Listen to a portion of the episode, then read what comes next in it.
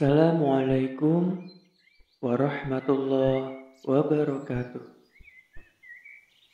Sobat Wondu Podcast yang saya Allah, kembali melanjutkan seri 365 hari sama Rasulullah Shallallahu Alaihi Wasallam. Hari ke-27, Muhammad tertidur. Suatu hari, saat sedang mengembala domba-dombanya, Muhammad berkata kepada seorang temannya, Apa kau bisa mengurus terangkan aku malam ini? Aku ingin pergi melihat pertunjukan di Mekah. Temannya itu setuju. Setelah menyerahkan domba-dombanya kepada temannya itu, Muhammad lalu berangkat ke Mekah. Muhammad bisa mendengar suara tamborin, seruling, dan alat musik lain dari tempat itu. Saat hampir sampai di tempat itu, ia duduk. Akan tetapi, begitu ia duduk, kantuk menyerangnya hingga akhirnya ia pun tertidur.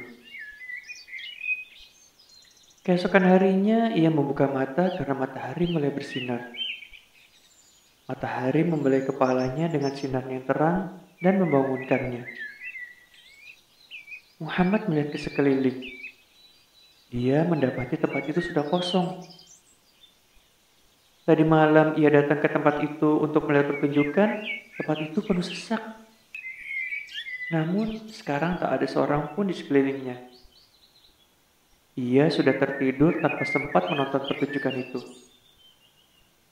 Ia heran mengapa ia tidak ingat apa-apa. Muhammad segera bangkit dan kembali ke domba-dombanya. Temannya bertanya kepadanya, apa yang sudah dilihat Muhammad? Muhammad lalu bercerita kepada temannya itu tentang apa yang terjadi. Temannya tidak percaya.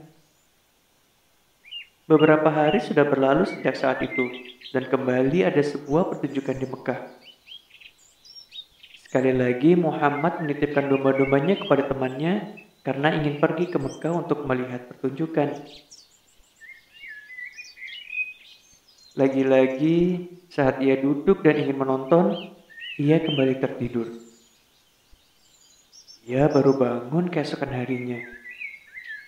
Saat membuka mata dan melihat pertunjukan udah usai, ia kembali terpana. Muhammad lalu memutuskan bahwa Allah mungkin tidak ingin ia pergi ke tempat seperti itu. Karena di tempat seperti itu Orang-orang biasa menghabiskan waktu dengan minum-minum dan berperilaku buruk. Tidak pantas bagi seorang laki-laki muda rupawan seperti dirinya pergi ke tempat semacam itu. Mulai saat itu, Muhammad tak pernah lagi ingin pergi ke tempat-tempat seperti itu.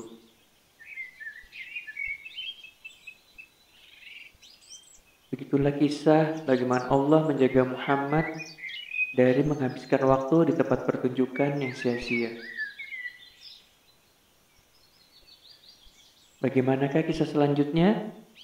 Insya Allah kita akan lanjutkan di next episode.